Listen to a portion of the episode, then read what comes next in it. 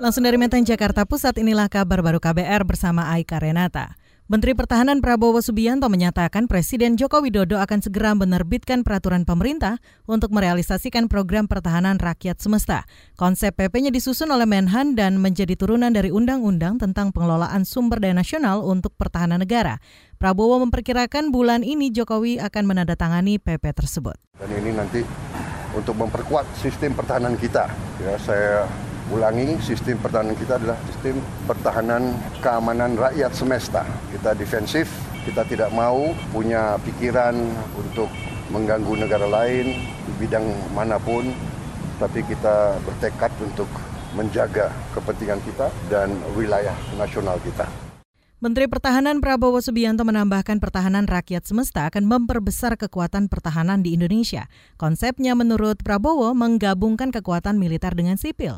Ia membantah kekuatan sipil itu menjadi wujud program wajib militer. Menteri Pertahanan mengistilahkannya sebagai komponen cadangan yang bisa diikuti oleh WNI berusia 18 hingga 35 tahun. Saudara, KPK menyita uang 400 juta rupiah dalam kasus operasi tangkap tangan terhadap Komisioner KPU Wahyu Setiawan. Sumber KBR menduga perkara suap itu berkaitan dengan pemilihan calon legislatif PDI Perjuangan tahun 2019 lalu di Sumatera Selatan. Informasi selengkapnya kita simak laporan jurnalis KBR Mutia Kusumawardani. Saudara, Komisi Pemberantasan Korupsi KPK menyita uang sejumlah 400 juta rupiah dalam kasus suap yang menjerat Komisioner KPU RI Wahyu Setiawan. Uang itu diduga diterima Wahyu dari staf Sekjen PDIP Hasto Kristianto dengan inisial D dan S. Perkara suap ini diduga berkaitan dengan pemilihan calon legislatif 2019 lalu di Sumatera Selatan. Suara caleg DPR RI dari PDIP Dapil Sumsel berdasar perolehan suara terbanyak diperoleh Nazarudin Kimas kemudian disusul oleh Rizky Aprilia dengan nomor urut 8 dan posisi ketiga diisi oleh Harun Masiku yang dicurigai termasuk orang yang diciduk KPK bersama WS, D, dan S. Selang berselang waktu, pemilik suara terbanyak Nazarudin Kimas dinyatakan meninggal satu bulan sebelum pemilu.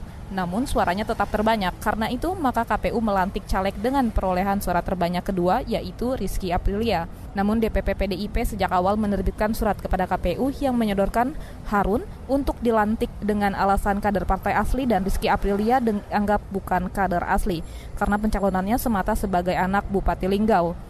KPU menolak Harun dan tetap akan melantik Rizky Aprilia. Dengan berbekal surat rekomendasi DPP PDIP, Harun melobi Komisioner KPU RI Wahyu Setiawan dengan uang senilai 400 juta rupiah. Demikian dari Gedung Merah Putih KPK Mutia Kusumawardani untuk KBR.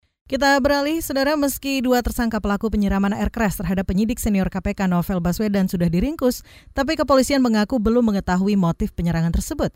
Juru bicara Mabes Polri Argo Yuwono menjanjikan motif dua pelaku penyerang Novel Baswedan dan hasil uji laboratorium forensik akan disampaikan dalam sidang pengadilan. Tunggu saja nanti ya, tunggu saja. Nanti segera kita masih belum ya, masih kita dalam. Yang pemeriksaan handphone itu udah ada hasilnya? Belum belum ada. Ya, nanti di pengadilan aja ya. Itu tadi juru bicara Mabes Polri Argo Yuwono. Sebelumnya tim teknis melakukan penangkapan terhadap dua anggota Polri berinisial RM dan RB yang diduga menyiramkan air keras ke Novel Baswedan.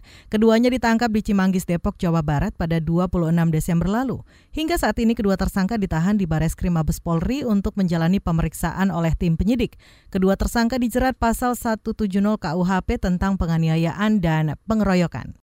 Kita beralih ke satu informasi terakhir, Saudara Paus Franciscus mendesak Amerika Serikat dan Iran untuk menghindari eskalasi konflik.